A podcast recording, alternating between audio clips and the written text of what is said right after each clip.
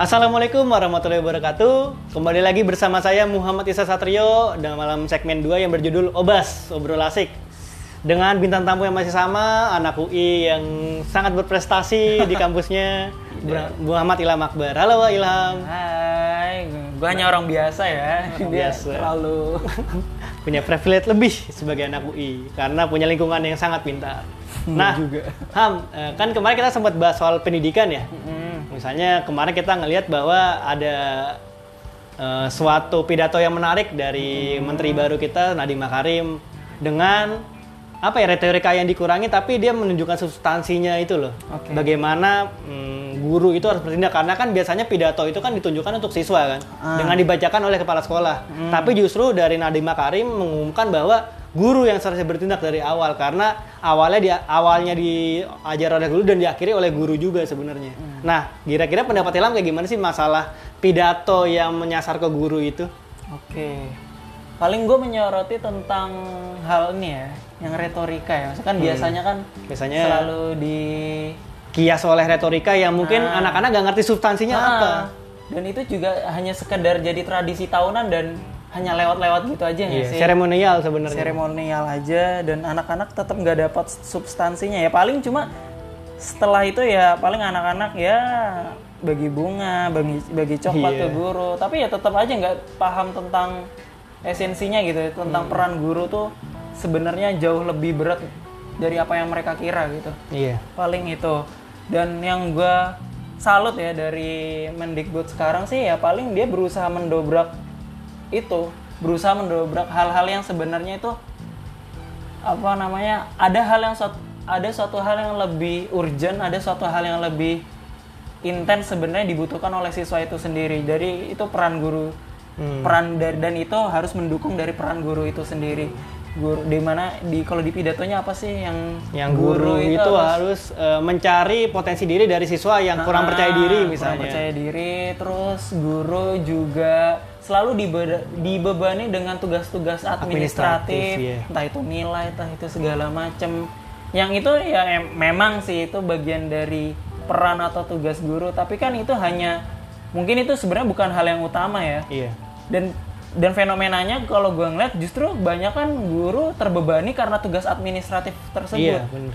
dan pada akhirnya waktu ngajar jadinya Gak maksimal. nggak maksimal karena udah capek dengan hal-hal seperti entah ya silabus Iya. nilai kurikulum segala macem guru-guru udah capek udah terkuras tenaganya ten- dalam hal-hal seperti itu dan pada akhirnya waktu ngajar ya udah waktu ngajar dengan sisa-sisa tenaganya ya udah kalau misalnya udah, udah capek tinggal ngasih tugas kalau udah udah bosan ya udah siswanya presentasi aja dah dan pada Oh. akhirnya tidak memberikan habis Iya. kita selesai presentasi nggak apa namanya memberikan satu insight lagi nggak meluruskan apa yang apa pemahaman kita yang masih salah dan Iya. keliru ya gitu sih paling itu yang gue rasakan gitu dan ini bagusnya Mendikbud ini ya itu berusaha menyadari bahwa apa namanya tugas atau peran guru ini mulai apa namanya meleset dari Hmm, yang sebenarnya seharusnya terjadi. Ha-ha, seperti itu Iya. Karena kan itu sempat viral banget ya sampai banyak teman-teman kita yang ngepost itu kan masalah ini loh substansi yang sebenarnya ada di pendidikan. ya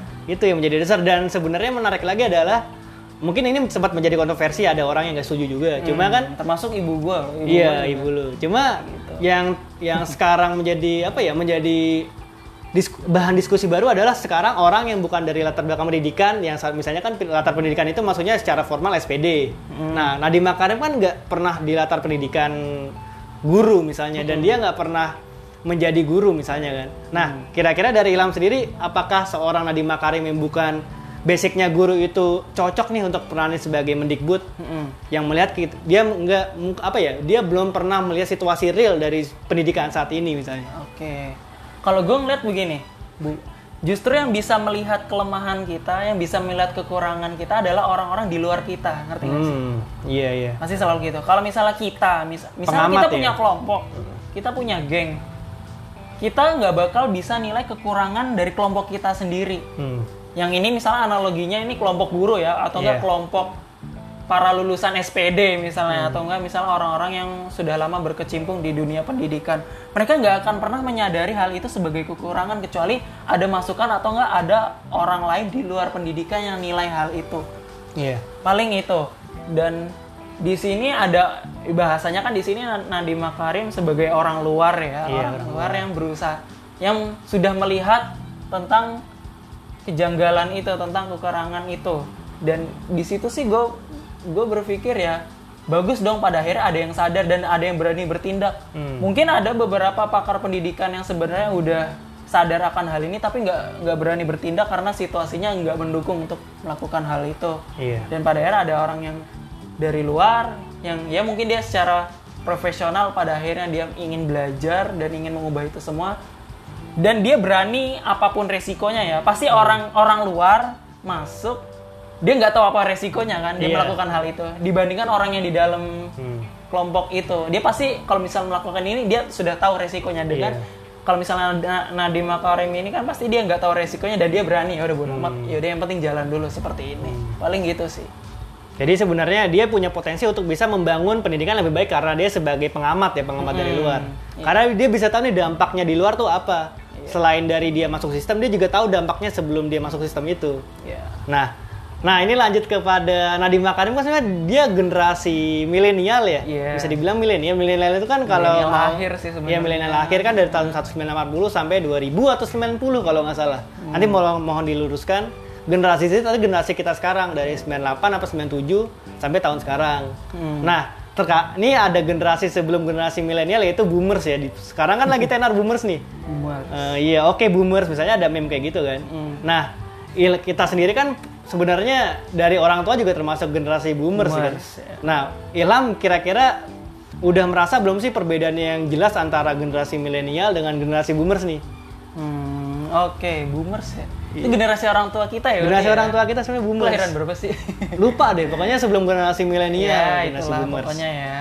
Kalau gue melihat gini, generasi boomers, kalau misalnya kita lihat sekarang ya, itu adalah orang-orang yang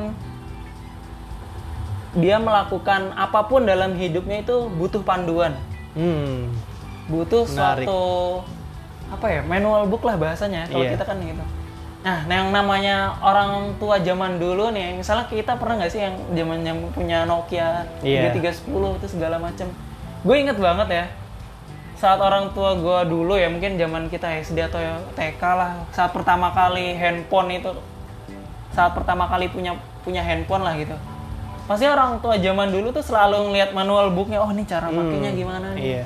Salah habis beli mesin cuci nih mesin habis beli habis beli mesin cuci nah cara makainya gimana nih ini segala macam mereka selalu butuh panduan untuk melakukan sesuatu sedangkan kita ya sebagai generasi Generasi Z, sekarang. Z-nya ya yang Z. dikenal sebagai generasi Z ini kita tuh selalu berusaha ingin mencari tahu sendiri eksperimental. eksperimental sendiri kalau ya kalau ingin apa namanya mengoperasikan sesuatu. Kita pernah nggak sih kayak misalnya ya mungkin mainin komputer segala macam gitu atau bisa sendiri aja. Misal main HP nih nggak perlu. Ya misalnya anak-anak sekarang deh anak-anak balita gitu suruh megang HP tiba-tiba mereka bisa nyetel musik sendiri tiba-tiba mereka bisa main Viral YouTube misalnya, sendiri iya. bisa main game sendiri.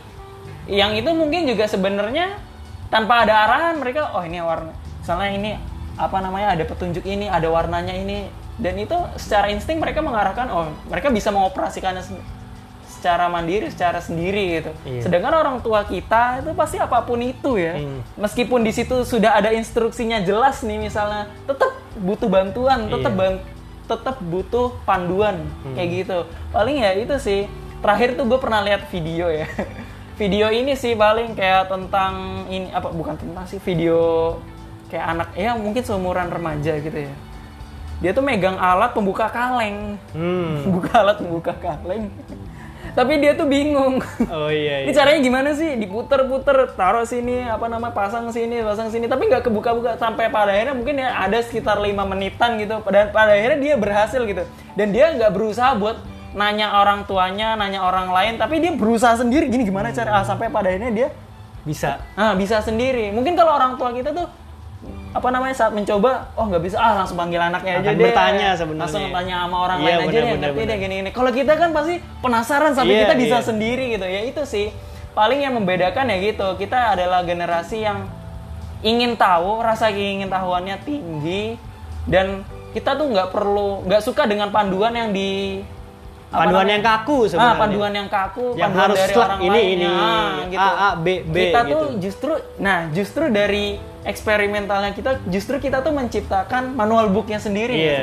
Kita menciptakan buku panduan kita sendiri yang menurut kita, oh kalau misalnya caranya ingin seperti ini, menurut kita, menurut Iya, buku benar-benar. panduan versi kita tuh caranya harus begini, begini, begini, begini. Hmm. Dan menurut menurut orang lain tuh ya mungkin bisa beda-beda. Yang Iya. menurut orang tua zaman dahulu yang gener yang generasi boomers ini ya caranya harus sama. Kamu Iya. harus kalau mau sukses harus ini ini ini ini. Sedangkan harus kita belajar belajarnya udah sekedar belajar cuma nggak Nah. dikasih tau lagi apa sih maksudnya belajar Iya, sedangkan ya itu generasi kita tuh ya mungkin ada hal lain selain belajar. Iya. Misalnya ngobrol, ngobrol Iya, di ngobrol. warkop nih misalnya. Iya.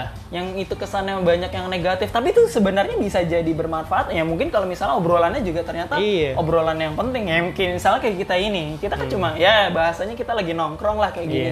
Hmm. Tapi kan bahasan kita belum tentu hal yang Iya. tidak bermanfaat kayak gitu. misalnya kita bisa menambah social skill kan untuk berinteraksi terhadap orang lain Hmm. mengobrol Iya. hal, mengobrol hal baru misalnya Heeh. terkadang kan ini juga mencerminkan misalnya dari orang misalnya orang tua memegang HP baru deh ini orang tua gue sama orang tua Ilham nggak tahu ya kalau orang tua lain ya kalau orang tua gue sendiri sebenarnya setiap dia bu- punya salah satu elektronik baru dia selalu nanya ke gue ini gimana yo tolong lo ngajarin walaupun gue sendiri kadang nggak tahu cuma kalau gue itu gue nggak pernah nanya atau misalnya gue nyari panduan buku itu nggak pernah malah biasanya gue operasi sendiri walaupun terkadang itu error atau rusak tapi gue biasanya mau coba sendiri Iya. karena apa ya kalau baca manual book itu terkadang terlalu pertama bikin ngantuk karena mungkin eh, terlalu bertele-tele kalau manual book Iya. ya terus yang kedua emang terkadang ada apa ya referensi dari internet yang lebih ringkas Nah, itu dia. terkadang kita bisa mencari sendiri sesuatu yang kita tidak tahu dan kita bisa memfilter sendiri apa yang pengen kita tahu dan kita masukkan ke otak kita tuh kita filter kembali apa yang sudah kita tahu apa yang kita belum tahu dan kita cari tahu sendiri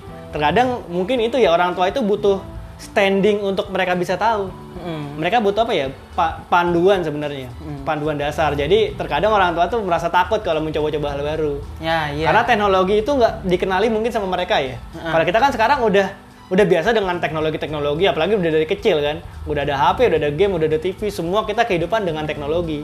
Jadi lingkungan kita tuh semua ada teknologi yang bisa kita coba-coba semuanya. Nah mungkin ini yang gue sadari adalah mungkin orang tua kita kan itu baru mengenali teknologi saat dia masih muda, bukan masih kecil kan. Pas muda dia udah punya pikiran rasional dan mereka baru bertemu teknologi. Mungkin dengan rasa rasionalitas orang-orang muda, orang-orang yang udah punya, yang udah dewasa pemikirannya mereka tuh takut akan rusak. Karena akan resiko, misalnya resiko pembetulan reparasi misalnya kan. Hmm. Nah mungkin pemikiran orang tua adalah mereka takut barang yang akan mereka coba yang baru itu rusak. Sedangkan kalau kita, kita kan mungkin eh, ini mungkin dari kita ya kita punya privilege bahwa kalau barang misalnya rusak itu bisa minta tolong orang tua misalnya dari kecil, mah HP rusak tolong betulin dong. Misalnya itu karena hasil dari kita coba-coba. Cuma kalau mungkin orang tua, orang tua yang baru mengenali teknologi saat masih muda, bukan masih kecil, pas mas dia udah beranjak dewasa itu biasanya mereka sudah berpikiran bahwa takutnya rusak, Iya. takutnya barangnya cacat dan sebagainya.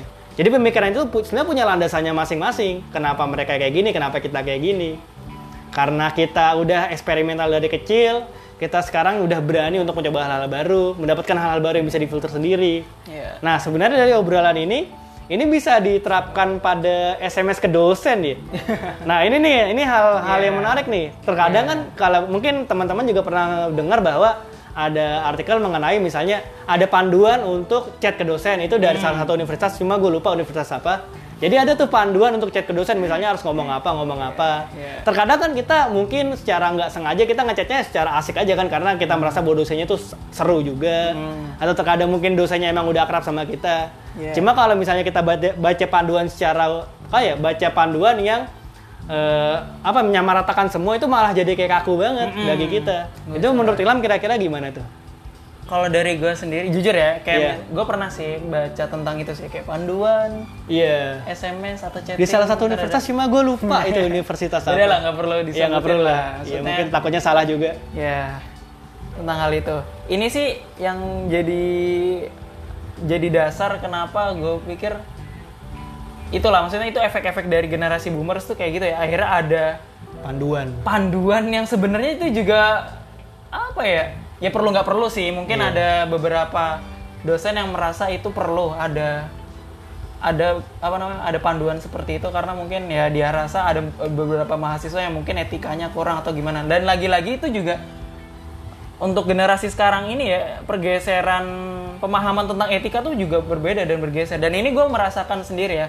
Dari paling ini sih dari teman gue yang punya dosen pembimbing yang berbeda nih. Misalnya apa namanya teman gue ada yang punya dosen pembimbing yang boomers terus dia dapat pembimbing yang rada mudaan ya mungkin milenial lah Masih milenial. 90 80-an lah ya. Iya, Akhirnya. mungkin lah gitu. Nah, mungkin kan panduan ini, aturan ini kan berlaku bagi dosen apa namanya bagi dosen pembimbing yang boomers lah maksudnya harus sopan selamat pagi pak misalnya assalamualaikum selamat pagi pak nama saya ini saya ada keperluan ini gini gini gini gini, gini. mohon bapak bersedia atau apa itu kan benar-benar formal dan kita juga Format harus- dasarnya itu format sebenarnya. dasarnya itu Iya. harus ada salam, memperkenalkan diri, maksud dan tujuan apa, habis itu menyampaikan terima kasih dan salam penutup Iya. segala macam itu kan kayak jadi suatu hal yang saklek itu harus seperti itu dan kita juga harus memperhatikan waktu yang tepat Iya. gitu segala waktu kerja, macamnya. waktu istirahat. waktu kerja, waktu istirahat jangan waktu jam 12 siang tuh ya jangan segala macam kalau misalnya udah lewat dari jam 9 malam ke atas jangan segala ya gitulah Hmm. itu berlaku mungkin ke dosen yang boomers ya maksudnya yang senior lah kayak gitu tapi ada anomali ada hal yang berbeda saat temen gue yang ya itu tadi mendapatkan dosen pembimbing yang Yang milenial. yang milenial bahkan bisa dosen ini bisa memposisikan dirinya itu sebagai teman Hmm. kayak apa namanya temen gue ini dia cerita ya apa namanya nggak perlu lagi selamat malam mas gini gini kayak mas bisa ketemuan nggak cuma Oh, kayak gitu iya, doang iya. Asik banget kayaknya. Iya ya. kayak cuma kayak itu kan kayak Tidak chat ada kita jarak. sama temen ya, Iya. chat kita sama temen ya. Mas bisa ketemuan nggak? Mas ini saya udah revisian nih mas. Tanpa ada format dasar yang tadi ya. Ah, Tanpa tiba-tiba ada mas, mas gini bisa gini nggak? Ya masnya juga balasnya santai oke gitu bisa kok gini. dia menerima ya Dan dosennya. dia ya? menerima. Dosennya menerima. Ya itu bergeser dong. Kan Iya. posisi dia juga sesama dosen kan sama-sama dosen. Tapi generasi yang membedakan itu. Hmm. ya gue pikir sih ya ke depannya mungkin di sini kalau gue lihat ya pergeserannya makin ke sini tuh kita apa namanya generasi kita generasi Z ini sudah meninggalkan hal-hal yang formal menurut gue makin ke sini sih kayak misalnya dari gak usah jauh-jauh deh kayak gue tuh waktu magang ya gue pikir tuh yang magang tuh dulu tuh harus pakaian rapi segala macam tapi itu makin sekarang tuh kayak oh lingkungan kerja tuh pakaiannya udah mulai Bebas. bebas mungkin boleh pakai jeans mungkin boleh pakai kemeja biasa santai atau segala macamnya itu sih yang menurut gue tuh kita tuh mulai beralih dari hal-hal yang formal hal-hal yang kaku ke hal-hal yang lebih fleksibel lebih nyantai lebih Iya. enak lebih happy kayak gitulah Hmm. yang lebih hal seperti itu. sama hal juga yang presentasi lah kalau yang gue rasain di kampus ya presentasi apa namanya dalam hal presentasi dulu tuh lebih suka pakai hal hal atau bahasa-bahasa yang kaku, yang formal. Selamat pagi teman-teman, gini gini gini gini. Kami dari ini gini gini gini. gini. Dan makin ke sini tuh justru gue menemukan suatu gaya presentasi yang justru lebih asik, lebih gaul, Lebih menunjukkan diri lu sebenarnya. lebih menunjukkan diri lu dan kita berusaha menjelaskan dengan bahasa yang audiens kita tahu gitu. Hmm. Dan audiensnya audiensnya kan mungkin waktu saat kuliah kan teman-teman kuliah kita sendiri, teman-teman kelas kita sendiri dan kita ya berusaha menjelaskan dengan bahasa kita juga. Hmm. Itu sih, tapi pernah gue juga dipermasalahkan sama dosen yang senior. Kamu tuh nggak boleh presentasi dalam bahasa seperti itu, Oh. gini gini gini gini gini gini.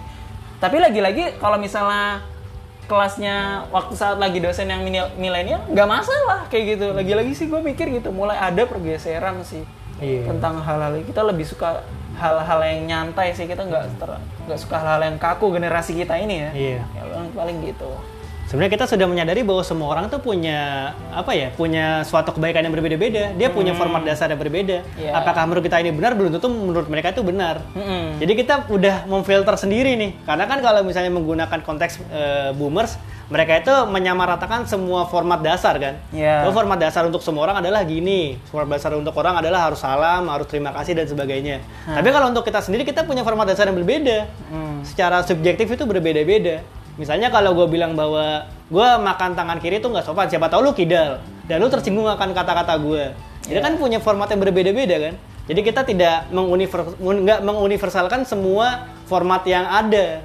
Jadi emang kita kan jago, eh, bukan jago sih, kita kan emang dasarnya eksperimental kan. Ya. Yang pokoknya sering coba-coba aja lah. Kalau salah ya udah coba diganti yang lain kata-katanya. Kita misalnya coba apa salah diganti yang lain.